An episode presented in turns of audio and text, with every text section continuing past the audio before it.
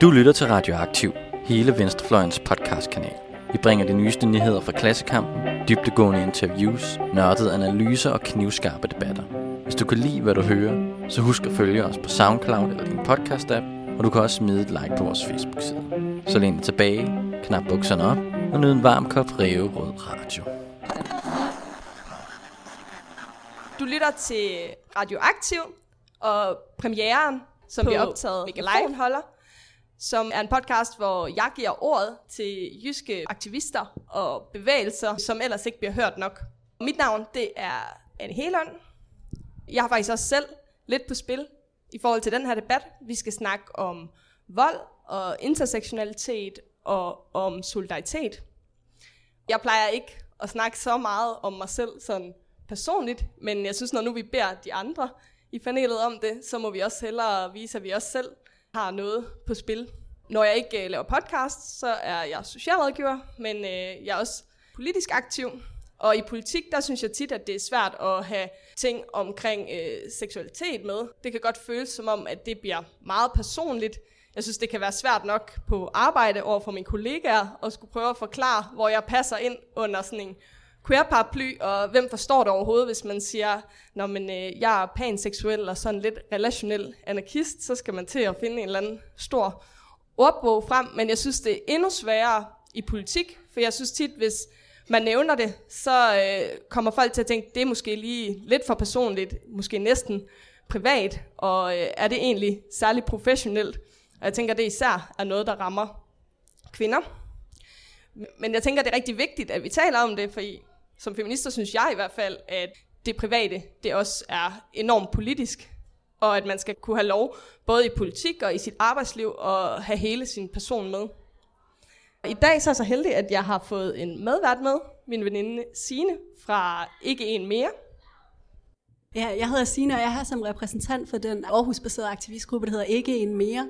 Og vi er en sådan rigtig traditionel græsrodsaktivistgruppe. Vi laver manifestationer og demonstrationer og sådan nogle ting, og fokuserer på forebyggelse af vold mod kvinder og minoritetspersoner.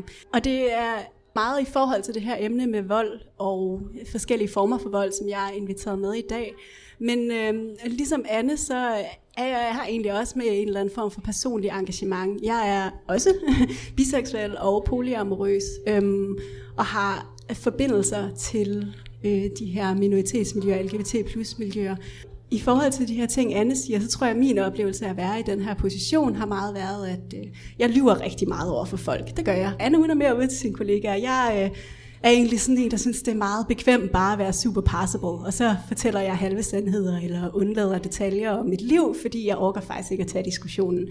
Og det er jo en af grundene til, at jeg synes, det er også rigtig fedt at være her og snakke med de her helt vildt seje mennesker, vi har inviteret i dag, fordi de tør virkelig tage kampen. Også de steder, hvor det ikke kun er sådan et dejligt feministisk publikum, men altså ude i verden, hvor man møder folk, som faktisk ikke accepterer den, man er. Så jeg glæder mig rigtig, rigtig meget til at snakke med jer om det her emne. Den her podcast den bliver jo optaget her til Talktown, som er en festival om køn og ligestilling og feminisme. Den er rykket til Aarhus i dag, og det er jo rigtig fedt. Jeg har inviteret øh, nogle rigtig seje kvinder med til at tale med os, og det har jeg glædet mig så meget til at få lov at tage den her samtale, og jeg håber også, at I synes, at det er fedt at lytte med. En af dem, vi øh, giver ordet til i dag, det er min øh, tidligere kollega, Ilham, som også er aktiv i De Blå Stjerner. Og så øh, Miriam, som er med i øh, Kvinder i Dialog. Og Maja fra LGBT-rådgivningen. Ilham, vil du starte med at fortælle lidt om dig selv? Yes, det vil jeg gerne. Som sagt, så hedder jeg Ilham. Jeg øh, arbejder som uddannelseskonsulent i Jobcenter Aarhus og er projektleder for De Blå Stjerner. De Blå Stjerner har til formål at give øh, Somalia et bedre ry. Vi startede det helt fra den gang, hvor ja, Helle Thorning svinede os lidt til og sagde, at vi var for offentlig forsørgelse. Og det er vi jo ikke alle sammen, så yes. Mit navn det er Miriam, og jeg studerer på Aarhus Universitet. Øhm, og jeg er medlem af Kvinder i Dialog, og det er jeg, fordi at øh, dengang regeringen valgte at forbyde niqab, så samlede vi sådan 40 niqab kvinder øh, på tværs af landet. Og vi synes, det var virkelig træls, at politikere og medier fremstiller os som nogle svage, undertrykte kvinder. Så tænkte vi, at vi ville gerne tage sagen i egen hånd og repræsentere os selv. Og så har jeg også en blog, der hedder Nerabi Nuancer, hvor jeg sådan prøver ligesom at nedbryde fordomme ved at smide videoer, hvor jeg stopper rulleskøjt og så videre op. Jeg hedder Maja, jeg er som sagt en del af LGBT-rådgivningen i Aarhus. Det har været siden 2014. Så har jeg også været en del af diverse LGBT-politiske initiativer sådan rundt omkring i Aarhus og i København. Blandt andet har jeg været med i LGBT Ungdom i Aarhus. Jeg har været gruppeleder for Transit i Aarhus. Jeg har været en del af LGBT Danmarks landsledelse, og har tænkt mig at fortsætte arbejdet her i, i Aarhus og Jylland især sådan for LGBT-personer, og måske særligt transpersoner. Noget af det, vi skal snakke om i dag, det er jo vold. Jeg tænker, at Sine kan fortælle lidt om det, for det er jo noget af det, vi arbejder rigtig meget med i Ikke En Mere. Ja, og i Ikke En Mere, der tænker vi vold meget bredt, altså som tilfælde, hvor nogen de på en eller anden måde rimelig overlagt gør ting for at fratage andre deres frihed, eller integritet, eller selvbestemmelse. Og det kan selvfølgelig godt være fysisk, det kan være seksuel vold, det kan være psykisk vold, og det kan også være strukturel eller statslig vold, hvor for eksempel lovgivning fratager bestemte mennesker nogle af deres friheder og rettigheder. Det kan være, du vil fortælle noget øh, om dine oplevelser med, med vold, sådan lidt mere bredt, Ilham. Altså, jeg har altid tænkt vold som noget ekstremt, fordi det er de eneste historier, man sådan hører om, både i medierne og gennem sin opvækst. Men jo ældre jeg blev, jo øh, mere bevidst er jeg blevet omkring, hvad vold egentlig er, og jo bedre forståelse har jeg fået. Jeg har også oplevet vold. Mere sådan lidt psykisk vold. Eksempelvis så har jeg oplevet, at min lillebror i Etiopien blev bortført, og min far, der skulle ud og løbe efter ham. Det er selvfølgelig ikke nogen ting, jeg kan sådan huske helt vildt, jeg var ret lille dengang. Men det er alligevel noget, der har siddet fast som en ond minde i min baghoved. Der findes også den der psykisk vold, man engang imellem bliver udsat for. Og især for sådan en som mig, der ser ud, som jeg ser ud. Det er tit, at jeg skal forklare, hvorfor jeg går klædt, som jeg går klædt. Det er oftest, at jeg skal fortælle, hvorfor jeg har valgt den vej, jeg har valgt. Sine startede med at sige, at hun en gang imellem bliver nødt til at lyve eller bortforklare. Det gør jeg ikke, og nogle gange så kan det godt virke som om, at jeg gør det på sådan en aggressiv måde, men det er bare fordi, jeg er så træt af det. Jeg er så træt af at få de samme spørgsmål igen og igen, og det kan godt være, at personen bare spurgte mig for ren nysgerrighed, men når man har hørt det fra købmanden, når man har hørt det fra sin arbejdsplads, når man har hørt det fra de steder, man går hen, så altså, kan man godt gå hen og blive sur. De spørger dig, hvorfor går du med tørklæde? Ja. Og så forventer de, at du skal komme med en lang forklaring. Ja. Som om der er nogen, der har tvunget mig til det. Og det er bare helt vildt mærkeligt at sige, at det er noget, jeg selv har valgt. Og så kommer det næste spørgsmål, jamen har du selv valgt det? Kan du så fortælle os, hvorfor du har valgt det? Så om jeg har en bagtanke, at nu kommer jeg, nu er jeg muslim, og jeg vil have alle bliver muslimer. Det kan være trættende og træls, når det er sådan af flere og flere personer. de synes ligesom, de har krav på din tid og din forklaring. Ja. Lige præcis. Hvad med dig, Miriam? Kan du ikke uh, genkende til noget af det? Jeg synes, det er et rigtig, rigtig ømt emne, og jeg kan godt sådan mærke, at jeg sidder sådan lidt for, for lidt ondt i maven, fordi at jeg har jo oplevet både fysisk og psykisk vold i samfundet. Og jeg tror, at sprog det er rigtig, rigtig vigtigt, fordi når politikere de går ud og siger, at jamen, øh, når du kører i en bus med en fastende chauffør, så kan du ikke føle dig tryg. Eller at man fremstiller mig, fordi at jeg går klædt på den her måde, som en trussel for samfundet, eller at jeg er opposition til den danske kultur, så gør det jo, at folk de møder mig på gaden, og så føler de, at jeg måske er en trussel for deres eksistens. Og det fører jo til, ligesom til verbal og fysisk chikane at når jeg går i supermarkedet, at jeg så bliver omringet af fem mænd, der verbalt overfalder mig, og en af mændene, han vælger sådan at køre sin indkøbsvogn ind i min vogn, og råber skældsord efter mig, og især når regeringen vælger at lave en lov imod min påklædning, der føler jeg ligesom, at at jeg ikke er noget værd, fordi at jeg ikke må vælge min egen identitet. Altså det er sådan her, jeg gerne vil praktisere islam, og så længe jeg ikke er til skade for nogen andre, så synes jeg, at det skal jeg have lov til selv at bestemme. Men når, når regeringen går ind og forbyder min påklædning, så føler jeg ligesom, at de på en måde kontrollerer muslimer, og jeg føler virkelig, at det sådan er et angreb på min muslimske identitet. Og jeg føler lidt ligesom, at det er en måde at nedbryde en minoritet mentalt, fordi man konstant kører en massiv antimuslimsk retorik i medierne, og når jeg er ude i DR og lave en video, hvor jeg virkelig sådan giver noget af mig selv, for så at gå på Facebook og så sådan læse alle de der kommentarer, jeg føler, at det sådan er massiv psykisk vold. Ilham sagde, at folk tror, at øh, der er nogen, der har tvunget hende til at tage tørklædet på. Der er jo nogle politikere, der har været ude at sige, at burkaforbuddet det handler om at skulle øh, frigøre kvinder. Det synes jeg bare er så uoprigtigt. Altså, hvordan skal vi hjælpe de her kvinder? Jamen, så laver vi en lov, og så får vi politiet til at udstede bøder, og folk de overfalder os verbalt og fysisk også nogle gange, hvor vi bliver puffet til eller spyttet på på gaden. Ikke? Er det sådan, man hjælper muslimske kvinder? Så øhm, vender vi os lige lidt den anden vej over til dig igen, Maja. Er der nogle af de her følelser omkring det, som øh, Miriam og Ilhan lige snakkede om, du kan genkende? Ja, helt klart. For eksempel, øh, for mig som transperson, det sker, at folk spørger, om jeg er en mand eller en kvinde. Og nogle gange, så er det oprigtigt nysgerrige spørgsmål, hvor personen bare gerne vil have et svar, fordi personen er i tvivl, og så accepterer det svar. Men oftere, så sker det jo, at den person, der spørger, allerede har et svar op i hovedet. Og når jeg så kommer med et svar, at jeg er kvinde, som ikke stemmer overens med det svar, som de har op i hovedet, så begynder vi sådan at skulle have en diskussion omkring mit køn. Det der sådan en kunne fremstå som et oprigtigt spørgsmål, det bliver en form for psykisk vold, fordi vi er ikke ude i, at vi skal have en diskussion. Der står en person over for mig, som gerne vil forsøge at overbevise mig om, at jeg ikke er valid. Altså det er sådan den, den form for vold, som jeg oplever mest, at jeg ligesom skal forsvare mig selv, min eksistens, forklare, hvordan jeg kan være den person, jeg er. Nogle gange, så har man overskud til at sætte sig ned og forklare det. Andre gange, så gider man ærligt talt ikke. Det burde aldrig nogensinde være minoriteters ansvar at skulle stå for at formidle deres undersøgelse til det omkringgivende samfund. Det jeg oplever mere som transperson og som LGBT-person, rådgivning, det jeg hører fra folk, der ringer ind og kontakter os, det er den der strukturelle vold.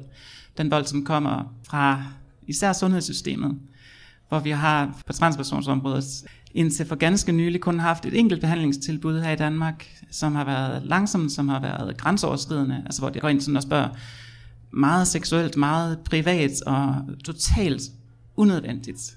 Og stadigvæk kan man få at vide, at man har en forkert kropstype til, at man kan få den behandling, man har brug for, for at kunne leve sit ideelle liv som transperson. Stadigvæk kan man få at vide, at man simpelthen ikke er autentisk nok som transperson til at få hjælp af de eneste mennesker, som kan hjælpe.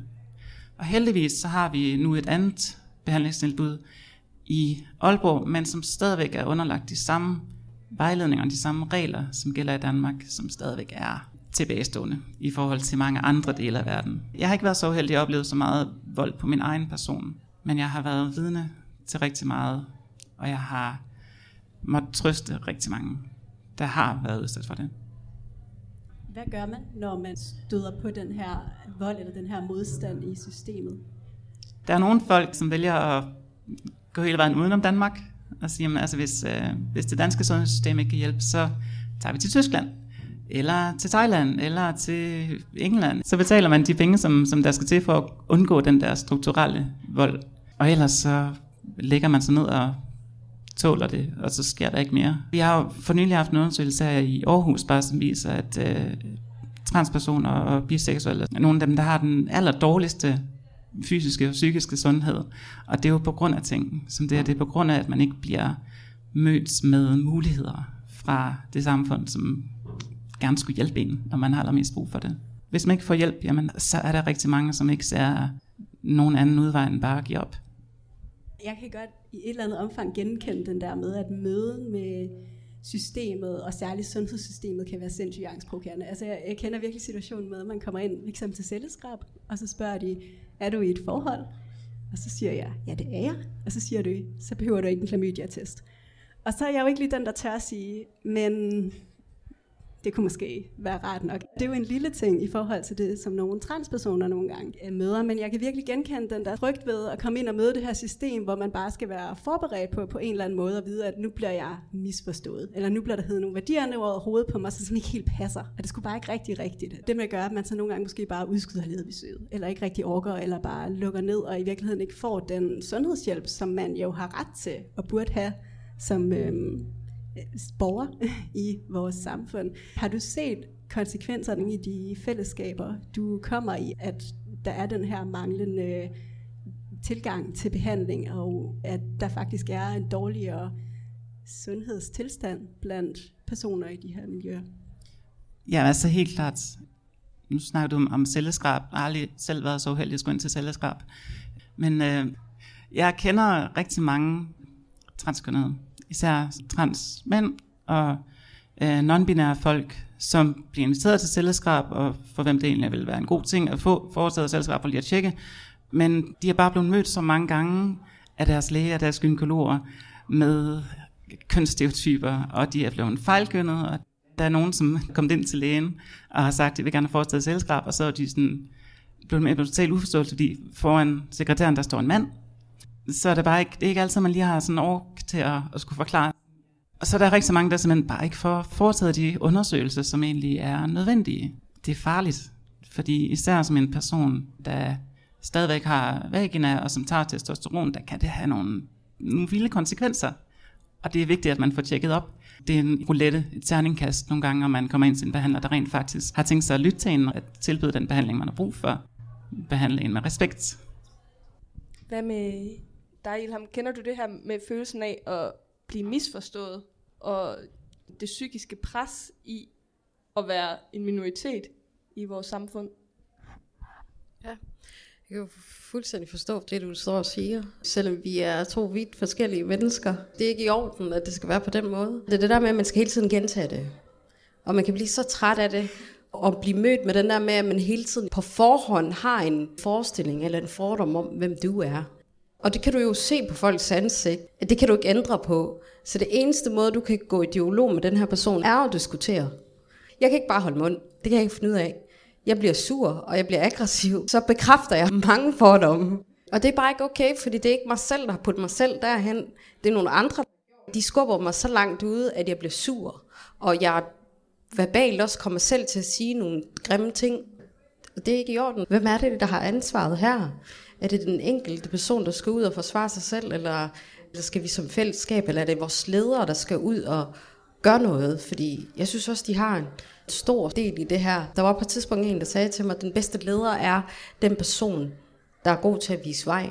Vores øh, ledere, de sidder på toppen, og så siger de en hel masse og laver en hel masse regler, og så øh, skal vi hernede selv finde ud af det. Hvad med dig, Miriam? Jeg tænker også, at både du selv, men generelt dem, der er med i Kvinder i Dialog, har oplevelsen af, at staten tager nogle muligheder fra jer, eller at I ikke har de samme muligheder i vores samfund som andre?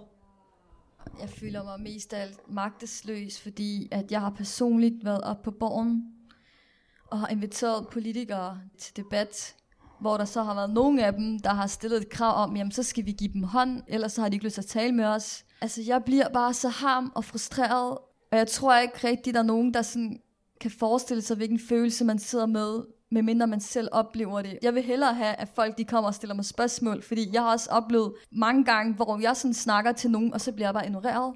Det er jo faktisk en måde at nægte at anerkende et andet menneske som et tænkende individ. Og det er faktisk det, der frustrerer mig allermest, at jeg bliver nægtet at blive anerkendt som et menneske. Og det ligger i virkeligheden ret godt op af noget af det næste, vi, vi tænkte, vi skulle tale om, som var det her med at blive hørt, altså at have en stemme i den offentlige debat.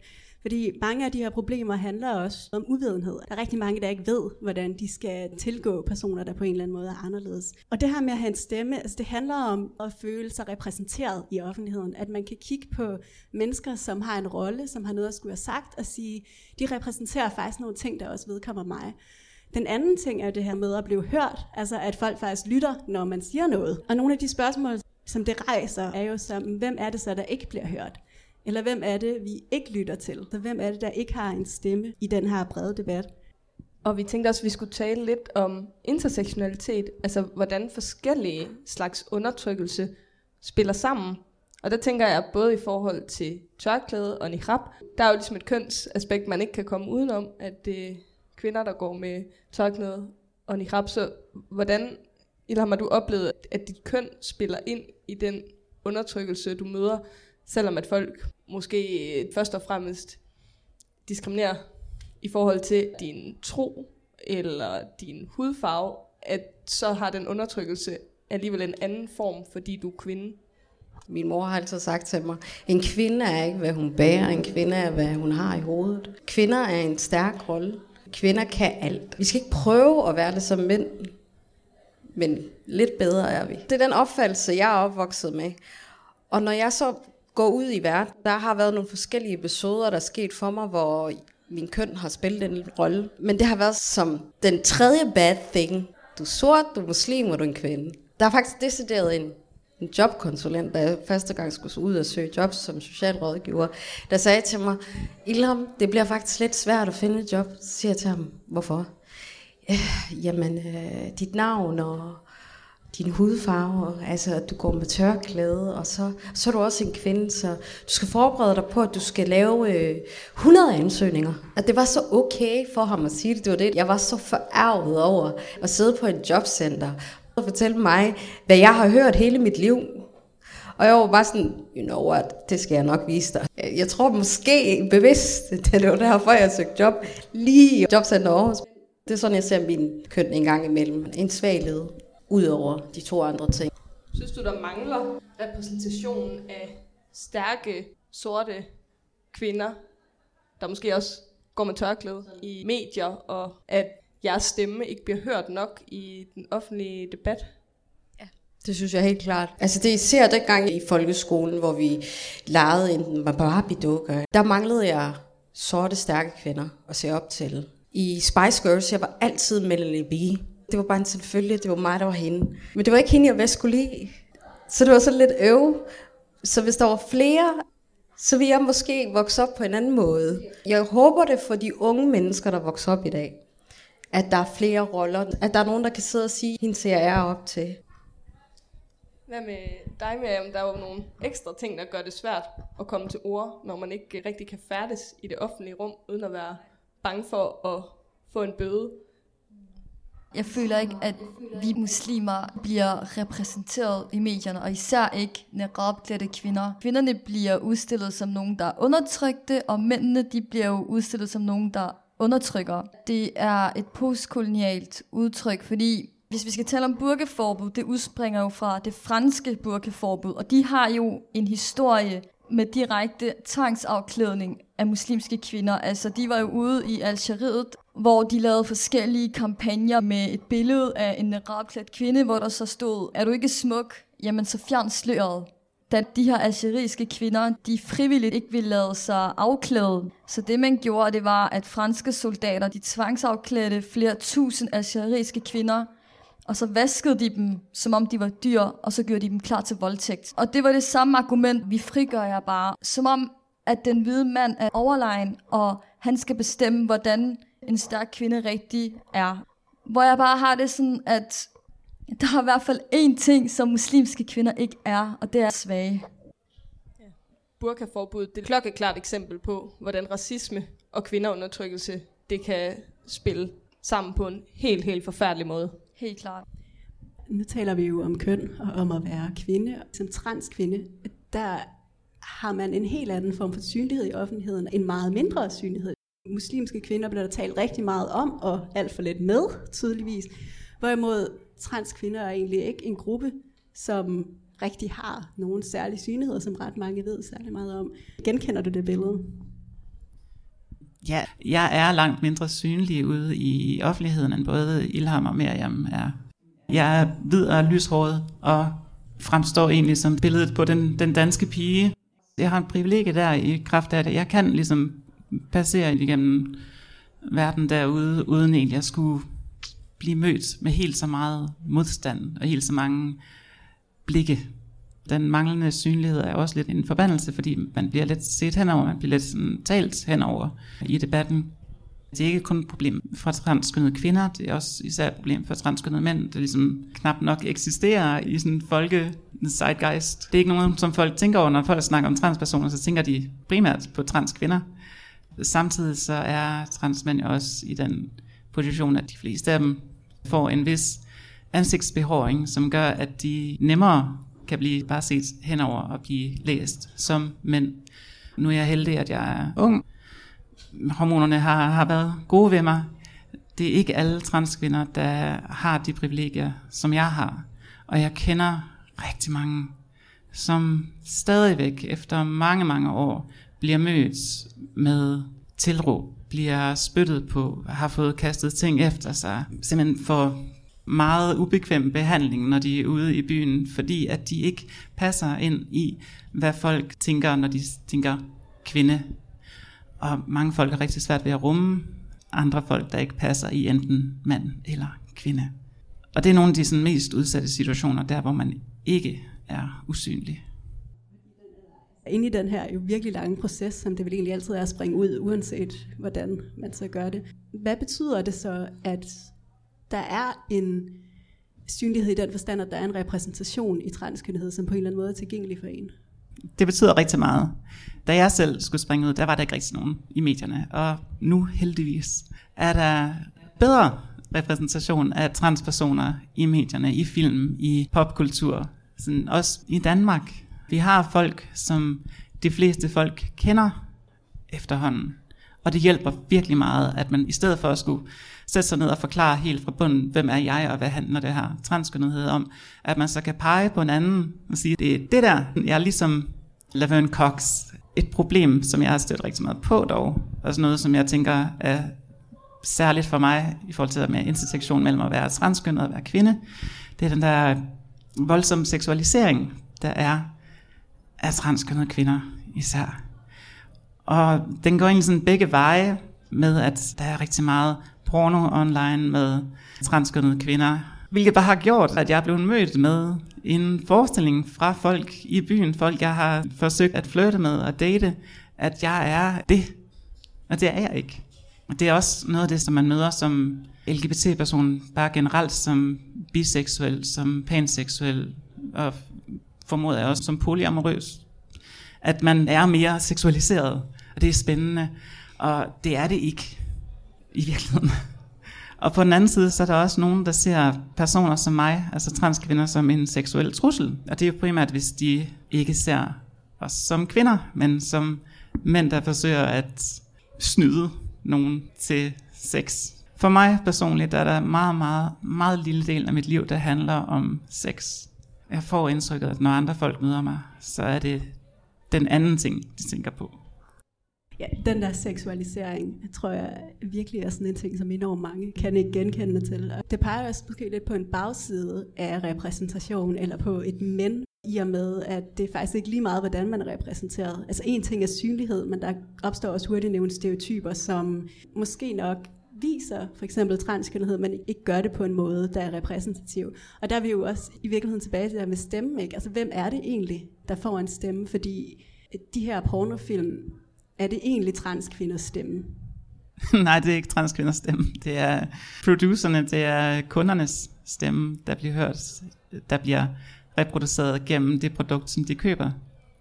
Det er primært mænds stemmer, der bliver hørt gennem porno, der involverer transkvinder. Nu øh, er I to jo nogle øh, rigtig seje repræsentanter, og øh, tør i den grad at bruge jeres stemme, men øh, Ilham, jeg har også hørt fra nogle kvinder med somaliske rødder, at grunden til, at de er nervøse for at bruge deres stemme og blande sig i den offentlige debat, er, at de føler, at så er de lige pludselig repræsentant for alle med somaliske rødder i hele Danmark. Kender du til den fornemmelse? Ja, det gør jeg på sådan en øh, mediemåde. At hvis du stiller dig op i medie, og hvor du dummer dig, den der nervøsitet i at sige noget forkert. Fordi så snart det er mig, der stiller mig herop, så snakker jeg for alle somalier. Det gør jeg jo ikke. Jeg siger jo bare min mening, og det jeg synes. Og det er der ikke plads til, fordi man møder os så sjældent, og man hører os så sjældent, at når der endelig er en somalisk kvinde, der siger noget, så tages det som om, at det er for alle somalier. Og det gør sådan, at de fleste bliver bange. Og det gør jeg jo også selv. Altså, hvis jeg bliver spurgt og være med i noget, hvor der er tv på, så siger jeg også på forhånd, altså jeg kommer som de blå stjerner, eller så kommer jeg som mig, i Ilham. Jeg kommer ikke for at forsvare nogen, eller sætte nogen andre i en dårlig lys. Og det er fordi, igen, vi bliver hørt så lidt, at når vi endelig bliver hørt, så skal vi tale for alle. Og I gør jo et rigtig godt stykke arbejde i De Blå Stjerner for at bryde med stereotyper. Men jeg tænker også, at det kan være hårdt at skulle være stærk på andres vegne, og skulle øh, tage hele den opgave på sig. Der er også noget sårbart i at skulle bruge sine personlige fortællinger, og at det også kan have nogle meget personlige konsekvenser at gøre det. I starten var det jo helt vildt mærkeligt at skulle stå der og fortælle sin livshistorie og hvem man var til vildt fremmede mennesker. Men så opdagede vi, at det var jo nødvendigt. Og der var ikke særlig mange, der kendte til os. Og der var rigtig mange fordomme, der blev brudt. Så det er lidt sørgeligt, men hvis det er det, der skal til, så er det også derfor, at vi bliver ved med at gøre det.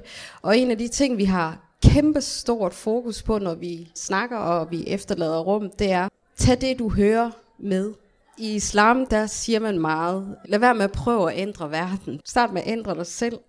Det er den største jihad, det er de indre dæmoner, man selv har. Det der, det, man skal først kæmpe mod. Og det er sådan en tankegang, vi prøver sådan at sige videre. Vi kan godt snakke helt vildt meget om, hvad medierne, hvordan vi bliver fremstillet, og hvad en helt stor gruppe siger om os. Men start med den der lille familiebror, I sidder ved, at der er nogle gange nogen, der sidder og laver en joke om trans, eller laver en joke om muslimer. Man skal ture og sige, nej, det er faktisk ikke okay. Fordi den person, du siger det til, siger du det jo til, er ren kærlighed. Og det kan være, at den person tager det videre på et andet tidspunkt og tænker over, ja, okay, det var faktisk ikke særlig sjovt. Fordi min egen familiemedlem synes ikke, det var særlig sjovt. Hvordan skal en vild fremmed synes, det er sjovt? Sørgeligt, at det er det, der skal til, at jeg skal ud og expose mig selv på den måde. Men hvis det er det, der skal til, så vil jeg meget gerne gøre det. Nu bruger du også meget dig selv, også øh, på din blog, Miriam. Hvad tænker du om det her med at skulle være repræsentant for kvinder med niqab, og også at det kan være hårdt at skulle tage den rolle på sig. Jamen, jeg synes, det er ekstremt hårdt og helt enig med Ilham. Men også bare det her med, at man ligesom skal bevise, at jeg er meget mere end bare min rap. Det er jo ikke kun min identitet, det her. Jeg er jo meget mere end det, ikke? Nå, men hvad er det så din far, der har tvunget til at gå med det? Øh, nej, jeg blev faktisk smidt ud af min familie som 17-årig, da jeg begyndte med rap. Det er jo ekstremt hårdt at skulle ligesom komme frem med det. Men som Ilham siger, hvis det ligesom er det, der skal til for at nedbryde fordom, og at jeg kan føle mig tryggere og sikker i det her samfund, jamen så det er jo det, der skal til. Så må vi tage den kamp. Altså jeg føler virkelig, at der er nogen, der er nødt til at påtage sig den her rolle. Og hvis der ikke er andre, der gør det, jamen så skal jeg nok gøre det selvom det er ekstremt hårdt. Jeg tænker, der er mange, som har noget på spil i forhold til at være en minoritet, der kan genkende det her med, at det er et stort arbejde. Jeg tænker også, at vi skulle snakke en lille smule om emotional labor, som sådan i den oprindelige forståelse af det begreb, der handler det for eksempel om stewardesser, der er lige meget, øh, hvor dårlig en dag de selv har, skal have smil plastret på og være service-minded over for øh, passagererne. Og øh, det er jo noget, de får løn for. Det er de færreste minoriteter, der er så heldige, at de kan leve af at være en stemme i den offentlige debat eller at være en repræsentant. Men derfor er der jo stadig mange, der forventer af folk, at når man kommer med nysgerrige spørgsmål eller måske dumme spørgsmål, at de så bliver taget imod med venlighed og tålmodighed og et smil, og at man gerne vil bruge tid på at forklare dem det lige meget, hvor dårlig en dag man selv har. Kender I til det her med, at man skal ligesom pakke sine egne følelser væk, at det er en forventning, verden har til en. Du sagde noget om, at hvis du nu ikke reagerede helt vildt venligt og pænt på folks spørgsmål, Ilham, at så levede du ligesom op til deres stereotyp om at være aggressiv det kender jeg helt vildt. Jeg er jo nødt til at svare, fordi de er nysgerrige. Det handler altid om den anden person. Det handler aldrig om mig. Fordi de lige skal have nogle satisfaction, så skal jeg være smilende og glad og sige, jamen jeg har valgt at gå med tørklæde, fordi jeg selv har valgt det. Og så griber jeg mig selv i at skulle stå og forklare, jamen det startede, da jeg var 23 år gammel, og det er sådan en ridset CD op i min hoved. Nogle gange så er jeg ikke til stede, når jeg faktisk er i gang med at fortælle det. Men det, der gør mig sur, det er, at der er nogle gange nogen, der tror, at de kan diskutere med mig omkring det. At det er noget, der skal tages op. Det er mig, vi snakker om. Det er mit valg. Jeg gør det ikke af bagtanker. Jeg gør det ikke af andre årsager. Det er mig, me, myself and I. Og det er det, jeg er. Og du behøver ikke at spørge mig, om jeg har valgt mit tørklæde, hvorfor jeg har valgt den tørklæde, jeg har valgt. Og jeg synes, det er træls. Jeg synes, det er det øv. Jeg synes, det er okay at man sådan tager det op og snakker i en dialog på den måde, for, for at lære hinanden bedre at kende. Men ikke på sådan en måde, at det er hver evig eneste enkelt individ, hver evig eneste dag, hver evig eneste hour, du skal sidde og forklare over for nogen. Det synes jeg ikke er okay. Prøv de der tanker, man har af på sine familiemedlemmer, og se, hvordan de reagerer, og se, hvordan de tager det. Eller sine nærmeste venner, se, hvordan de tager det. Bliver de fornærmet? Bliver de irriteret på dig? Synes de, at det ikke er nysgerrigt alligevel, det spørgsmål, du stiller, at det faktisk er lidt ondt? Så kan en vild fremmed person også føle det samme dobbelt gange, fordi jeg heller ikke har nogen relation til dig. Jeg bliver simpelthen nødt til lige at spørge, fordi du sidder og griner sådan meget genkendende, tolker jeg det som. Genkender du de her oplevelser af emotional labor? 100 procent. Man får lagt meget ansvar på sine skuldre for at skulle stå på mål for alle mulige spørgsmål. Jamen, hvad mener du så om den her ting, som uh, skete i et helt andet land for 20 år siden, sådan, som også var en transperson, der gjorde det her? Jeg aner det ikke. Jeg har ingen holdning. Man får ikke lov til ikke at have en holdning til mange af de her ting. Som en minoritetsperson, der kommer man rigtig ofte til at stå på mål for ting, som andre medlemmer af den minoritetsgruppe har gjort eller sagt op på modsat måde. Man kommer også til at blive udsat for angreb fra den minoritetsgruppe, man selv er en del af, hvis de ikke føler, at man er en god nok repræsentant for dem. Jeg kan sidde her og sige en masse ting, og der vil garanteret være nogle transpersoner, nogle transkvinder, som lytter til det, jeg siger, som ikke vil være enige med mig. Og det kan hende, at de transpersoner vil blive direkte sure på mig over, at jeg ikke har været en god nok transkvinde. Og det er super trættende. Fordi man kan ikke gøre alting rigtigt. Det er svært. Det er et kæmpe pres at skulle i det hele taget stille sig op og tale om sig selv og om sin minoritetsgruppe, når man ved, at resultatet kan blive, at man bliver mødt med den her modstand. Man bliver mødt med, at man skal stå på mål for ting, man bliver mødt med kritik fra alle mulige sider. Og netop også, altså som Ilham også siger, man kan svare på et spørgsmål, og så kan man få at vide sådan, nej, det passer ikke. Selvom man har blevet stillet et personligt spørgsmål, man har svaret ud fra sine personlige erfaringer, og så får man at vide, fordi der står en person over for en, som har en helt anden sådan, holdning til, hvem man er. Øh, jeg tager fejl omkring, hvem jeg er. Og det er absurd, og det er trættende. Men jeg er også fuldstændig enig i, selvom det er så frustrerende, at det er en kamp, som vi bliver nødt til at tage. Vi bliver nødt til, simpelthen som minoritetsgrupper, at tale. Vi bliver nødt til at, at vise, at vi har en stemme, fordi ellers så er der nogle andre, der kommer til at definere, hvem vi er. Så er der andre, der taler om os. Så kan det godt ske, at vi engang man kommer til at passe ind i den der stereotyp om øh, en fred muslimsk kvinde, men okay, so what? I det mindste har vi måske fået repræsenteret en smule andet også. Og det hjælper til at, ligesom at bløde op på de der meget, meget hårde stereotyper, der kan eksistere. Du sidder også og nikker. Kan du øh, genkende det her med, at man som minoritet får til opgave at skulle uddanne andre, mere? Ja, helt klart. Altså, jeg får rigtig meget opbakning, både i det danske samfund og i det kulturelle miljø, altså det tyrkiske kulturelle miljø, som jeg har baggrund eller rødder i, og det muslimske miljø, men jeg oplever også rigtig meget at blive shitstormet godt og grundigt i alle tre miljøer. Og det er så irriterende, og jeg er bare nået til et punkt, hvor jeg er sådan, whatever, altså jeg kører min egen stil, og sådan, og det er bare, og hvis du ikke er tilfreds med det, jamen så må du selv gå ud og repræsentere dig selv. Altså, jeg repræsenterer mig selv. Men jeg vil også bare et eller andet sted ønske, at politikere og medier og så videre kunne gøre det job med at fremstille muslimer og alle de her minoriteter på en ordentlig måde, så jeg ikke selv sad med den opgave og skal studere på universitetet med nedsat studieaktivitet, fordi jeg skal bruge min fritid på at gå ud og holde oplæg og foredrag og være aktiv i dialogarbejde og sådan virkelig give ud af mig selv. Så jeg til sidst på ugen sidder bare helt drænet for energi, fordi jeg giver så meget ud af mig selv hele tiden. Men altså, jeg er også meget, meget stolt og glad for det arbejde, jeg laver, og jeg synes, det er virkelig en berigelse, at jeg kan komme ud og møde andre mennesker, og jeg føler virkelig, det sådan har været med til, at jeg kunne udvikle mig som menneske, og jeg kan godt føle, at når jeg møder andre 22 år, at jeg sådan er et helt andet sted, er meget mere sådan langt fremme i livet end min jævnaldrende, og det synes jeg helt klart er en berigelse et eller andet sted. Nu er I jo alle sammen meget aktive i forhold til selv at gøre noget, men hvad kunne I godt tænke jer, at os andre, eller alle andre, skal gøre for at være mere solidariske på en bedre måde? Hvad tænker du, Ilham? Altså, jeg går meget op i det indre, altså selv med ens selv. Så jeg synes, man skal starte der. Man skal som en individ kigge ind af og prøve at se, hvad er det, jeg gør anderledes for en anden person? Hvordan kan jeg hjælpe nogen sådan, at de får det nemmere? En bestemt gruppe det er lige meget, hvem det er. Men i hvert fald starter selv, fordi vi har ikke nogen ledere, der viser os vejen. Desværre, det har vi ikke. Så den bedste måde, vi kan presse dem på, eller presse fællesskabet på, og de dårlige, dem der sådan ikke forstår det, det er, at vi som individ selv prøver at gøre noget anderledes. Start med at lade være med at spørge de spørgsmål.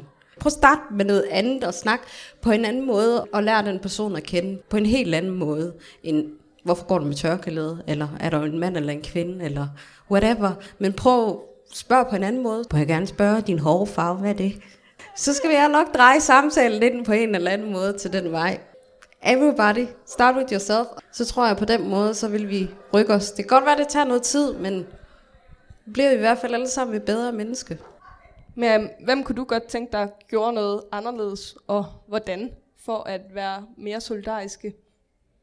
Altså nu sidder jeg jo sammen med jer her, og vi kan jo godt lide at snakke om de her emner, men jeg synes, den stereotype dansker, den reserverede, lukkede dansker, den synes jeg, man ofte møder på universitetet eller på arbejdsmarkedet. Jeg tror måske, jeg er mere direkte og sådan uden fint. Jeg kan godt lide, at vi snakker om ting. Altså samtale om de her emner og politiske emner osv. Og, og der synes jeg bare, man ofte godt kan være sådan lidt for reserveret og lukket. Inderst inden, så tror jeg, at rigtig mange danskere derude faktisk er tolerante mennesker. Men jeg kan godt sidde nogle gange, hvis jeg har en holdkammerat, hvor vi ikke sådan rigtig sidder og snakker om de emner, der er. Altså, jeg ved jo godt, hvad du tænker om mig, ikke? At du har spørgsmål, fordi det er jo anderledes. Jeg har sådan en øhm, vestjyde på mit hold, som aldrig nogensinde har mødt en muslim. Jeg er den første muslim, han har mødt. Hvor jeg godt kunne tænke mig, sådan, at han kunne stille mig de der spørgsmål, fordi så føler jeg, at vi kan have sådan en gensidig åben dialog om tingene, og jeg sidder ikke og tænker, hmm, er han en skabsracist, eller hvorfor kiggede han sådan på mig, eller at han måske bare sidder og tænker, jeg har ikke lyst til at fornærme hende, eller få hende til at føle sig utilpas. Og der synes jeg sådan lidt, at man godt kan have en åben debat om tingene, og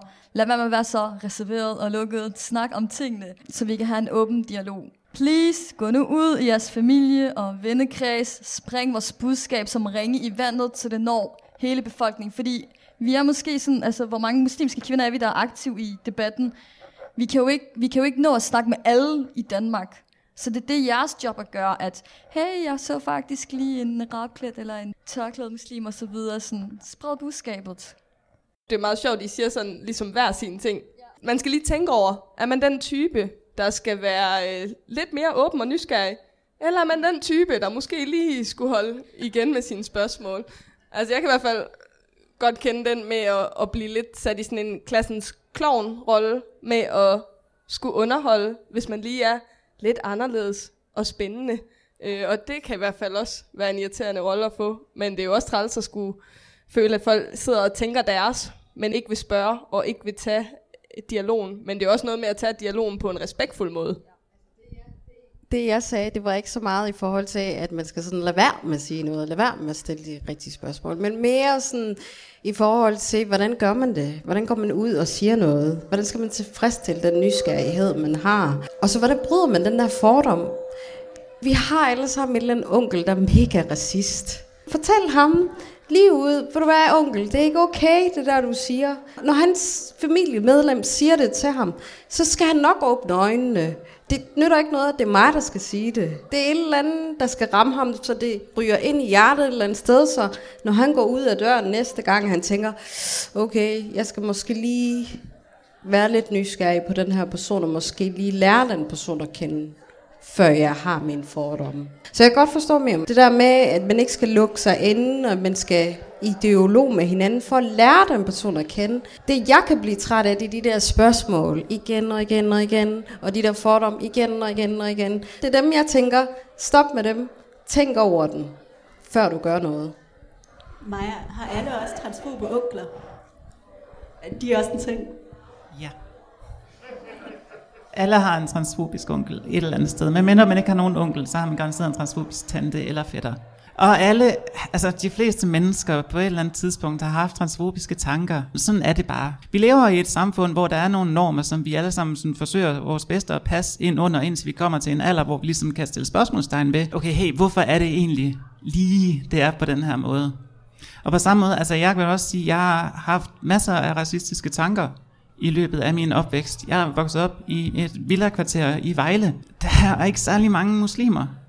Jeg stødte først på muslimer, da jeg kom til Aarhus for syv år siden, og jeg har lært så meget siden, og det kan jeres transfobiske onkel også stadigvæk. Det er så ligesom kræves, er, at man taler, og man egentlig også bruger sin position, sit privilegie, som Milan nævnte, at hun kan sige fra over for transfobiske jokes i sit hjem, og så kan det sprede sig. På samme måde siger jeg også fra over for min racistiske onkel, det er ikke min onkel, men det er en onkel, jeg kender. Man bliver nødt til at bruge sin position, der hvor man kan, der hvor man har en stemme, til at i talsætte de her problemstillinger, til at udfordre de her normer, som kan eksistere. Den onkel, som jeg kender, kommer også ud fra Vestjylland, og har heller ikke mødt nogen muslimer nogensinde. Jeg er også fra Vestjylland. Der findes også okay mennesker i Vestjylland. Ja. Ikke alle vestjyllændere. Not men, all de har sgu brug for hjælp, fordi de ved ikke bedre, desværre. Og de har brug for, at der kommer nogen, som de lytter til og fortæller dem, ved du hvad, onkel, det er bare ikke okay det der. Det er bare ikke godt nok. Tag dig sammen.